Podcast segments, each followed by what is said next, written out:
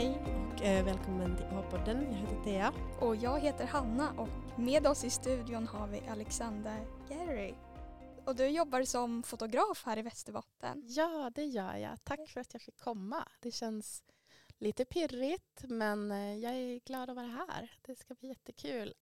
Men du kan ju börja med att berätta så här, vem Ja. är du och vad, vad gör du? Ja, ja men precis. Ja, men Alexandra heter jag, eh, är 40 plus. Känner mig tuff. Eh, lite så. Nej, men jag är ett, tvåbarnsmamma och eh, där kommer ju den referensen in också. Min, min sjuåring tycker den det är jättekul att jag är 40 plus. Eh, tvåbarnsmamma, har man, två barn, ehm, har också ett annat yrke på sidan av, ska jag säga. Ja. Ehm, som, eh, men som sagt driver ju eget eh, fotoföretag där jag fotar, jag brukar säga att jag fotar kärlek främst, men det börjar ju också grena ut sig till andra intressanta uppdrag som lite events och sådär, men eh, främst är det kärlek, så det är bröllop främst och sen familjer, gravida, älskar att eh, fota nyfödda i hemmet. Ehm, jag brukar säga att jag är eh,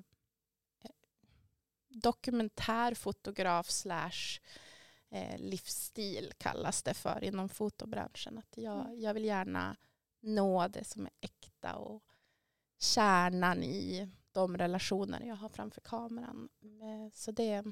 Mm. Och hur kom du in på det spåret?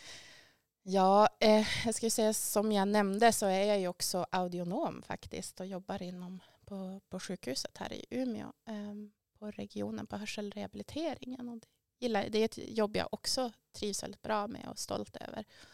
Och det är också en, en resa i sig. Jag har faktiskt doktorerat på det yrket och det är nog jag tror att jag vågar säga att jag är ensam om den här sortens doktorering. För att eh, det är en forskningsdoktorering och det är inte att jag är läkare. Utan det kallas för en klinisk doktorering och det är någonting som man blir i USA just nu om man vill bli audionom. Och audionom är ju en person som hjälper personer som har en hörselnedsättning, tinnitus eller ljudkänslighet. Och jag råkar jobba inom rehabiliteringen av, personer som har det väldigt kämpigt när de väl de har fått vara på öron, hälsa, hals och Ehm, fått det medicinska utrett. De har fått testa sin hörsel och kanske fått hörapparater hos audionomerna som jobbar på hörcentralen. Men har man då fortsatt kämpigt i livet då kommer man till hörselrehabiliteringen och då får man en tvärprofessionell ja, kartläggning av sitt liv. Och så är jag en del av de som stöttar och utbildar om hörsel. Så det är också väldigt spännande.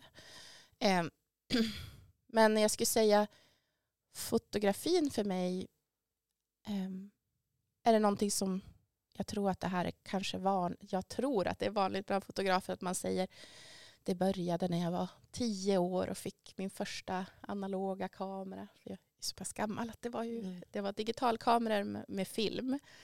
Hade du en Eh, sån då när du var liten? Ja, så den fick jag när jag var tio och det var ju, jag, var, jag minns hur lycklig jag blev när jag fick den där och jag fotade ju, det är jag som har dokumenterat vår familjs liv när jag var liten. För de, eh, mina föräldrar tog inte väldigt mycket bilder och det fanns ju inga smarttelefoner då. Ehm, så att eh, de bilderna vi har och högarna med film, digital, alltså fotonegativ, bara högen av dem jag har och faktiskt då utprintade foton. Men sen eh, när jag var student då eh, och började fundera vad skulle jag göra så var det nästan en utmaning att jag kunde tänka mig så många olika spår.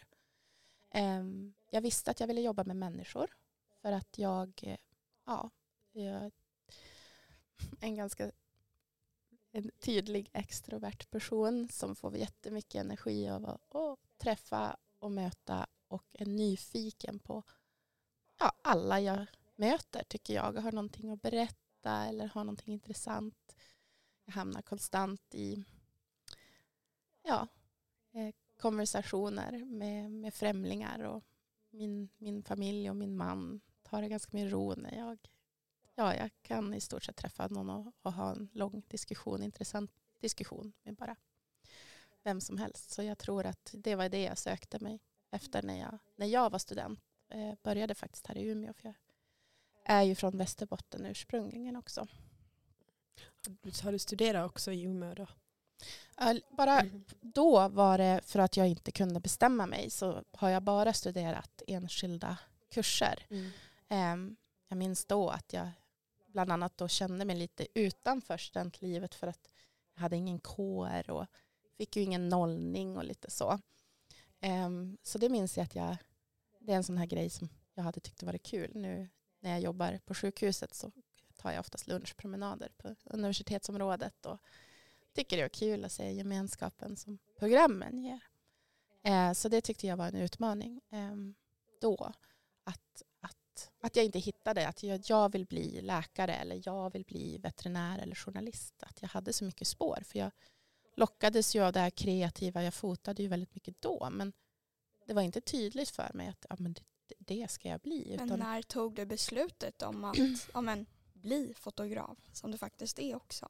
ja, det är ju faktiskt nu. Bara på de senaste åren. Mm. Det började med att under pandemin var jag gravid med våran, vårat andra barn, August.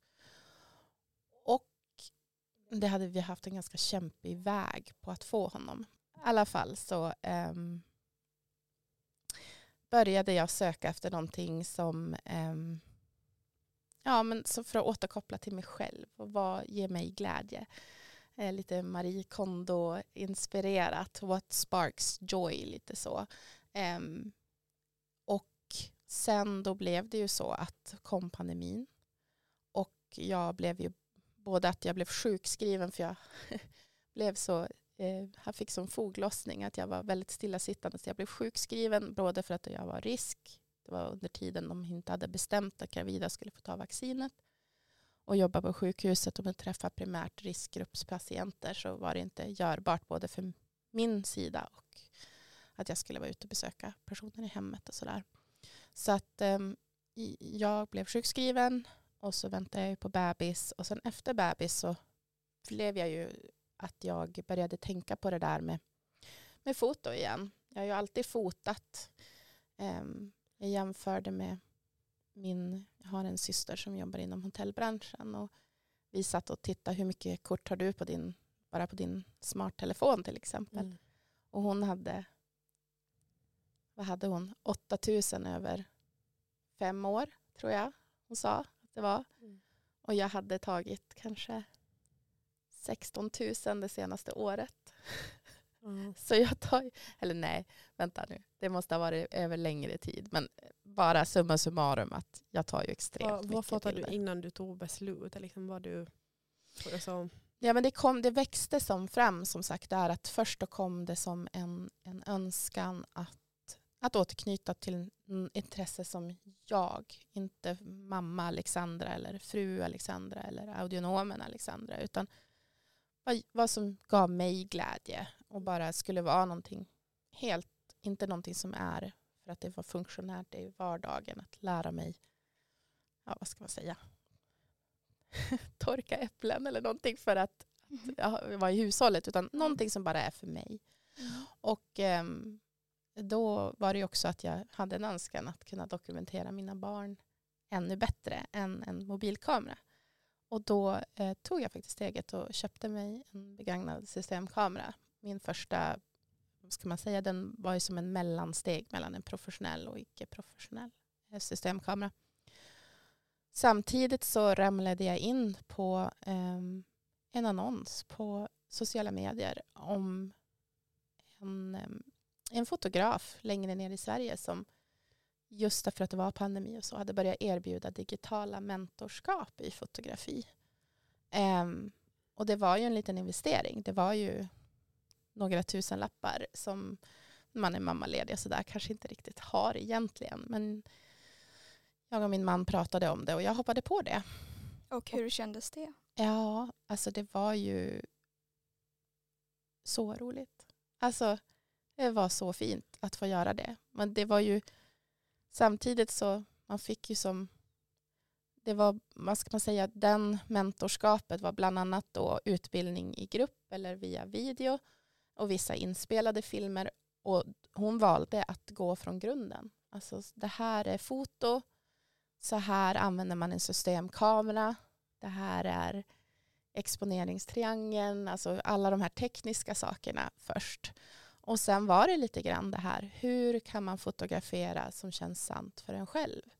Och det var ju absolut inte riktat till att så här startar du eget som fotograf eller så, utan det var, det var lite inriktat på ja, bland annat mammor då, som vill fota vardagen och livet och dokumentera det på ett sant och, och kreativt sätt.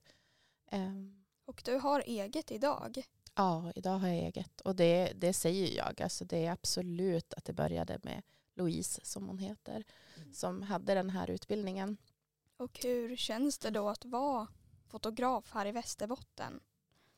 Ja, men alltså jag tycker ju att det är fantastiskt roligt. Alltså varför jag gick ifrån, det blev ju, vad ska man säga då, att jag, jag tog ju det för att min, min tanke var att jag skulle bara fota mitt liv och dokumentera det.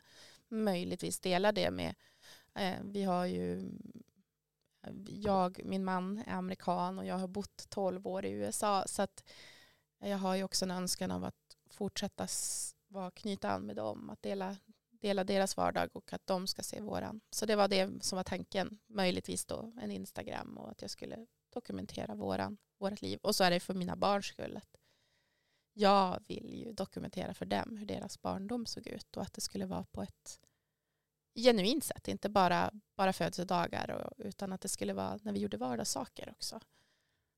Men så jag tänker att du har barn och du har ett jobb och sen fotograferar du. Att hur ser liksom din vardag ut? Hur liksom ja. pusslar du ihop allting? Ja, nej men, och det är ju ett pussel. Eh, för att, ja som sagt, jag, det blev att jag bara fotade min familj och så var det någon annan vän som frågade, Åh, man kan, du tar ju jättefina kort.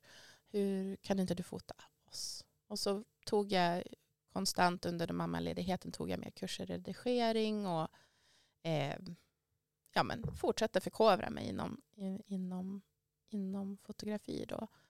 Och då blev det så. Först någon, någon vän som frågade kan du fota och sen eh, mitt första bröllop var faktiskt en, en släkting som vi, jag kom dit och hade faktiskt tagit med mig systemkamera. Tänker jag kan ta någon liten bild från sidan kanske om bröllopsfotografen är okej med det. Och så visade det sig att de hade ingen bröllopsfotograf. Mm -hmm. Utan de sa att Nej, men, ni gäster kan väl ta någon bild om ni, om ni har någon telefon eller så.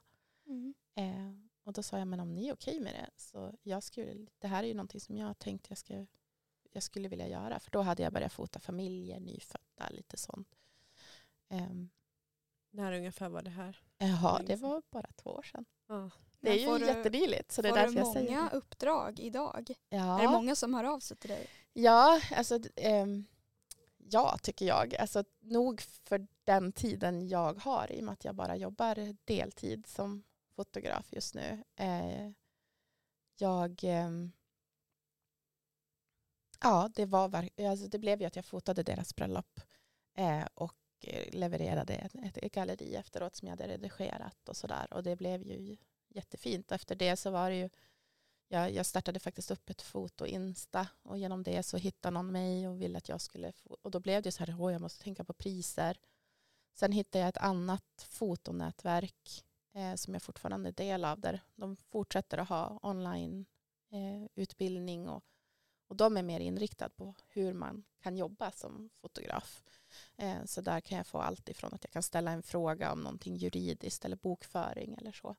Men ja, jo, korta svaret är att det blev så att jag startade i mars för att jag började inse att oj, nu, nu har jag nog um, så pass att jag, det är nog bättre att jag startar företag. För att jag, behö, jag fortsätter ju köpa in mer professionell utrustning och ja, utbilda mig, föra på lite workshops som det heter, där man kan utveckla vissa olika tekniker som fotograf och så. Så då blev det ju att det blev ganska tydligt att det var nog bättre ja, att inte frilansa. Vad har du för typ av företag och vad fick du hjälp av någon att starta mm. Ja, jag har ett aktiebolag eh, och vi var lite fram och tillbaka för som bara en person i företaget så är det ju väldigt många som, som väljer att ha en enskild firma och att det fungerar väldigt bra i och med att det är bara jag som gör uppdrag och det är väldigt mm, vad ska man säga, isolerat. så. Men jag, jag valde faktiskt att efter massa råd från andra personer runt omkring mig som har företag att jag ändå skulle satsa på att, att starta ett aktiebolag. För det fanns många fördelar. Både, ja, mm, som jag såg det så, så var det bättre. Um, och um, ja, så att det, det blev ju just det här att när man frilansar till exempel så um, var jag, då är man anställd av, det finns en, olika tjänster, jag valde en som heter Gigger där man, eh, ja, man får i stort sett lön. Så man är ju anställd av dem och sen så tar du ut lön. Men jag använder ju den lönen för att investera då i ny, ett extra kamerahus för när man fotar bröllop vill man ha två kameror och, och lite sånt. Och då kändes det ju mer lönsamt att har du aktiebolag då får du ju dra momsen på det du köper in och i och med att jag stoppar in allting från foto in i foto så, um, så var det mer, det var bara mer hållbart för mig och för vår ekonomi att göra så. Um, yes, och vilka svårigheter finns att jobba som fotograf? Ja, och, och, särskilt kanske en fotograf som också jobbar, eller jag tänker att det är för alla, men det är ju också att det, det finns ju ganska mycket fotografer. Alltså det, det börjar ju bli att man tänker att nästan alla är ju fotograf eh, på något sätt i och med att vi alla fotar vår vardag med våra telefoner. Eh, för mig så ser jag ut, det är utmaningen att hitta sin egen nisch. Att, eh, och det var väldigt viktigt för mig också. Att känna att det jag fotar är någonting som är sant för mig. Och inte bara för att tjäna en slant så att säga. Eh, så jag tror den utmaningen är väl att hitta, hitta sitt spår. Vad, vad vill jag göra, tänker jag. Vill man fota event eller vill man jobba inom media på något annat sätt? Um, och varifrån hämtar du inspiration i så fall? Ja, jag, jag tar ju inspiration från så många olika ställen och det här är någonting som jag funderar konstant på också som ny. Att man inspireras ju av andra fotografer självklart. Men jag är också väldigt noga i och med att jag också håller på att bygga upp min, mitt brand eller mitt företag. Att jag vill ju, och jag tror att det är sättet att lyckas på, att, att hitta någonting unikt. I och med att det finns så många så måste man man måste hitta, jag tror att man, jag tror man måste hitta sitt sätt att förmedla eh, och fånga de man fotar. Eh, som kanske då, jag tror att det då finns då kund, fotokunder som tycker att ja, men det där slår an en sträng i mig. En sån, sådana fotografier skulle jag vilja ha. Eh, för jag tror att som sagt utmaningen är att, att det finns så många fotografer. Så att man, man måste hitta någonting som är ganska ja, en, tydlig, en tydlig brand eller vad man säger. Och då tror jag man gör det mest effektivt genom att, att titta inom sig själv och se vad, vad är det verkligen som gör, vad tycker jag är fint och hur vill jag fånga personerna. Så jag tar ju också inspiration ifrån, från andra branscher, från rörlig media. Jag är en stor eh, filmfantast av, av alla genrer och dokumentärt. Och, så jag, jag tittar väldigt mycket på det. Eh, jag har märkt att jag tycker att ja, mina, mina, mina hållord, eller vad man ska säga, mina brandord är ju bland annat filminspirerat. Att jag inspireras av alla, alla sorters film. Alltså allt ifrån en dokumentär på SVT till eh, de här stora Hollywoodproduktionerna till någon liten ja, någon kortfilm som någon, någon journaliststudent har gjort. Eh, jag har um, många konstnärer i min, i min familj. Så min mormor var Västerbottenskonstnär och, um, och jobbade som det. Och min mamma också är konstnär i Västerbotten. Så att jag, jag tittar ju på sånt också. På olika sorters kreativa uttryck. Böcker. Jag tänker att och det är någonting som jag tycker är viktigt att jag i stort sett bara fotar sånt som jag tycker känns sant till mig själv. Och jag tackar nej till vissa ja, det är företag och sånt som hör av sig där jag inte känner att, ja, både att jag, jag, kom, jag har inte tid med allting heller i och med att jag också jobbar med något annat. Mm. Men också att i och med att mitt för, alltså jag, jag vill att det ska vara luststyrt. Um, och jag tror att det är också så jag kan hitta de kunder, att vi ska som välja varandra lite grann. Vad har du för alltså, framtidsvisioner? Liksom, vill du fortsätta att fotografera mer? Och hur tänker du kring att typ marknadsföra dig? Att är liksom, har du något mål? Mm, mitt mål är ju att, att, att få fortsätta fota och gärna då att, att självklart vill jag att mitt företag ska äh, vara hållbart så att säga. Att, att det faktiskt funkar och går runt. Så att självklart kan jag inte bara gå runt och fota gratis för att det är roligt. Så, så det, mitt mål är ju att fortsätta växa på något sätt. Att jag är fortfarande ganska så osynlig i, i Umeå i och med att, att jag är så nystartad. Alltså att jag bara håller på i ja, mindre än två år blir det ju, men nästan två år. Och eh. hur gör du för att marknadsföra dig? Ja, jag har märkt att det är primärt sociala medier som gäller. Jag frågar de som bokar mig, hur hittar du mig? Så är det via Instagram oftast. För du lägger ut bilder där också som du har tagit? Ja, jag har ju valt att starta ett, ja, ett konto som är enbart för, min, på min, för mitt företag. Då, eh, där jag försöker eh, posta ja, uppdrag jag har haft, bröllop, barn, de som godkänner att jag får posta förstås. Um, det är inte alla som vill synas i dem. Men det, är, det skulle jag säga är kärnan. Att det verkar vara där man hittar mig. Och så försöker jag som sagt vara ganska tydlig i, i att jag visar upp sånt som jag känner att jag vill fota mer av.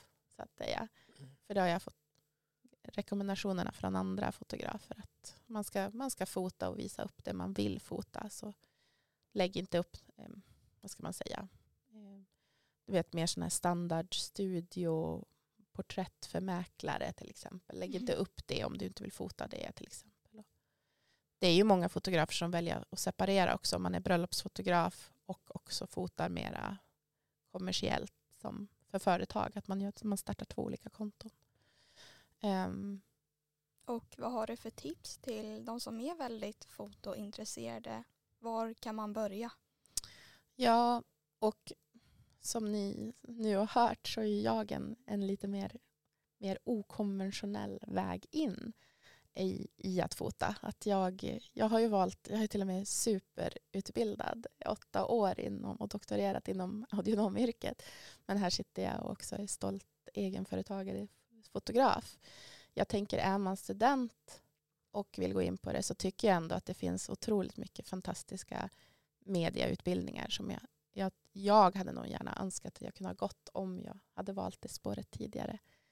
Um, audionom är jätteroligt men jag, jag, när jag får fota så känns det verkligen så här, tänk att jag får, tänk att jag får betalt för det här. Det, det, jag går därifrån och är så påfylld och ja, det, jag tycker det är så, det, det verkligen gör mig själv lycklig. Så att jag tror att hade jag haft en visdom idag, då hade jag nog hoppats att jag haft vad ska man säga, modet att, att gå det spåret. Jag, fick ju, jag tyckte då att jag blev som rekommenderad att välj någonting konkret, välj ett yrke. Um, det är så svårt att slå sig fram i de kreativa yrkena. Um, men jag tycker ändå att man ska ha modet att luta, om man verkligen känner att det här är sin passion, då tycker jag att man ändå ska våga luta sig in i det.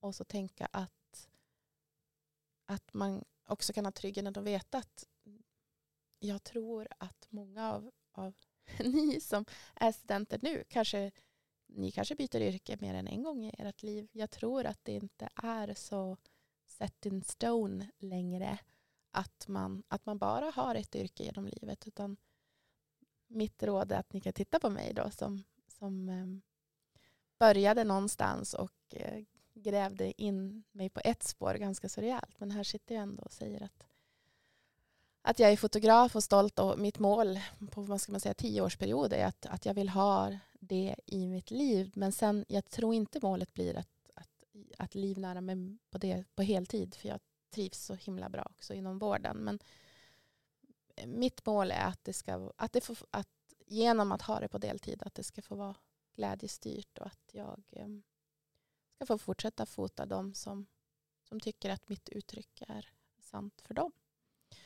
Um, ja, jag tror jag drev ifrån frågan vad, vad jag skulle råda. Men jag skulle säga mer att kolla ändå på de utbildningarna som finns. För jag tror också att Eh, om vi pratar om utmaningarna om att vara fotograf så tror jag att bland annat det här ni pratade om med Erik Lindenius är ju en sån sak som är en utmaning nu som det pratas väldigt mycket om i fotografvärlden att oj, kommer vi vara utan ett jobb nu när AI finns? För att det finns ju redan nu tjänster som kan AI-generera, det ser ju ut som foton.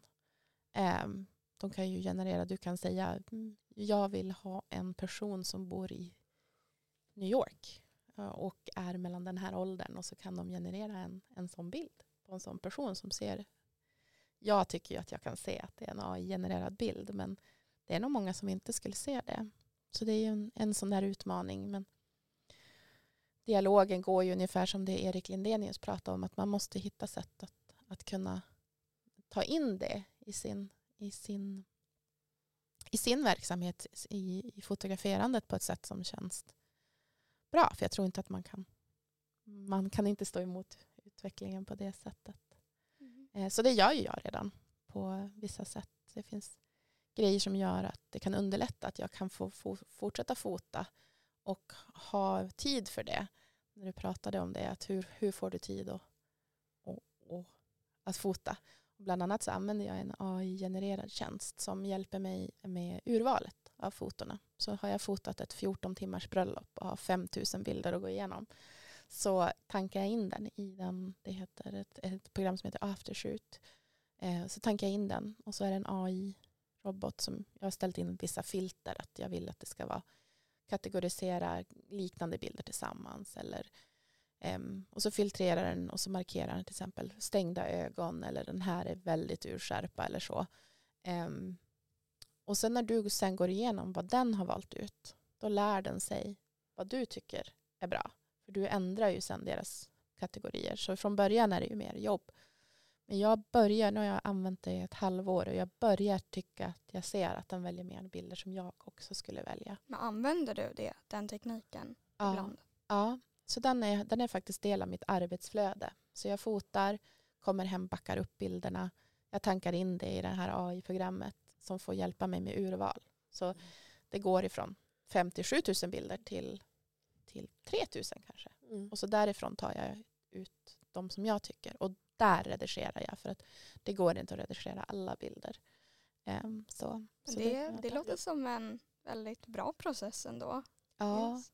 ja men ja. för mig i och med att det ja, vi ska säga att jag, jag fotade nog på kapaciteten där jag kunde bröllopsmässigt i sommar och då då var det inte jättemånga ändå. För som sagt, jag är ganska ny in i den. Mm. Så att jag är nog inte, jag, jag hopp, jag, nu har det ju börjat höra av sig folk både för nästa sommar och faktiskt sommaren efter, vilket känns ju superroligt. Och jag, det är en väldigt kick när någon, när någon hittar en, för det är ju personer som faktiskt bor i södra Sverige som har hittat mig och bara vi älskar dina bilder. Vi undrar om du skulle kunna fota vårt bröllop. Det är ju otrolig ära och det, det ger ju den kreativa själven en kick. Att oh wow, de har tittat på.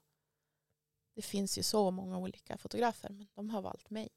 Och det, det är ju jättefint. Um, ja, ja. Jag tänker att så här, typ, avslutningsvis att om du vill, någon som eh, har fått det lite som hobby, hur, hur kommer man igång och liksom skaffar kunder och sådär? Ja, Nej, men, jag, ja, jag tycker ju, alltså, man kan ju självklart ha det syftet att oh, jag, vill, jag vill starta upp och då, då finns det ju bland annat den här um, det finns, en, en, um, det finns möjligheter att, att få stöd från sådana här um, vad ska man säga, fotoföreningar som finns på Facebook och, och digitalt. Att, eh, jag tycker det är en bra om man känner att man inte vill hoppa på en mediautbildning. Då kan man bland annat kanske gå med i en av de här eh, ja, vad ska man säga, online nätverken där de bland annat då säger också att här du får stegen hur du skulle kunna skaffa kunder. Ofta så börjar man ju då med att ja, men självklart utbilda dig på kameran, se till att du kan hantera utrustningen, fota för dig själv först. Sen kan man ju då fråga vänner. Om de inte frågar än så kan man ju fråga dem, hej kan jag få fota dig och din bebis eller du är gravid eller att man, att man kan börja så. Och sen tycker jag att jag, för mig så är jag förvånad hur, hur starkt sociala medier ändå är för att nå ut.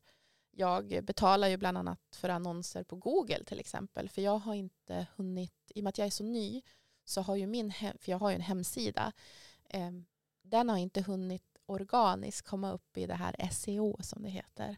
Um, när man söker på till exempel bröllopsfotograf i Umeå så dyker jag ju inte upp organiskt. Jag kanske är på 17 sidan eller något sånt. Nej, jag vet faktiskt inte var det ligger nu men det är flera sidor bort. Och när man googlar, jag vet inte hur ni känner men ofta så tittar man ju bara på första sidan och så väljer man någon av toppexempel. Man kanske kollar på några. Ja, jo, det ja. kanske man gör. Jag vet inte. Ja, men så att där kan man ju betala för att synas och då står det ju att det är sponsrat men man, man, man dyker ju upp i alla fall på första sidan. Men inte till alla, men man kan ställa in sin målgrupp och, och sådär. Men jag tycker att det, det är ganska dyrt och jag har inte fått en enda som har sagt jo men vi hittar dig via Google. Jo, en tror jag. En i sommar sa att de hade hittat mig via Google. Eh, men resten har, har det varit Instagram eller word of mouth. Alltså det är ju väldigt starkt. Ja, du, jag såg du fotade min kompis bröllop. Alltså wow, vilka bilder. Kan du fota vårat också? Ja, så det är alltså sociala medier man ska satsa på? Ja, jag, jag tycker det. Att det ja. är så. Och sen är det ju självklart fota det du vill det du vill fota och försök klura ut vad är det som känns sant för mig.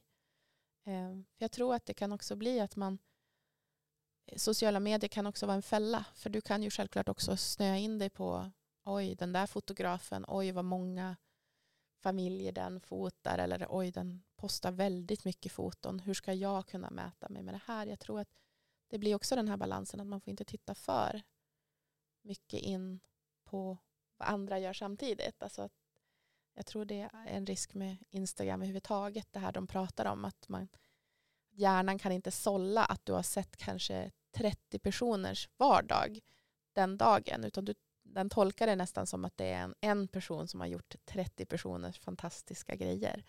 Um, så jag tror det är en utmaning också. att Ja, sociala medier ska man satsa på, men försök hitta det som är sant för dig. Och där tror jag man måste titta. Jag tycker absolut man kan titta på sociala medier och man kan inspireras av andra fotografer, men jag jobbar faktiskt hårt att nästan inte göra det ibland för att kunna vara mer kreativ och unik i, i det jag fotar. Och så så att jag tror det är en balansgång där också. Bra tips från Alexandra där. Vi ska börja avsluta. Ja, tack så jättemycket för att du var med idag. Ja, tack så jättemycket. Ja, men tack. Det var jätteroligt att få vara med.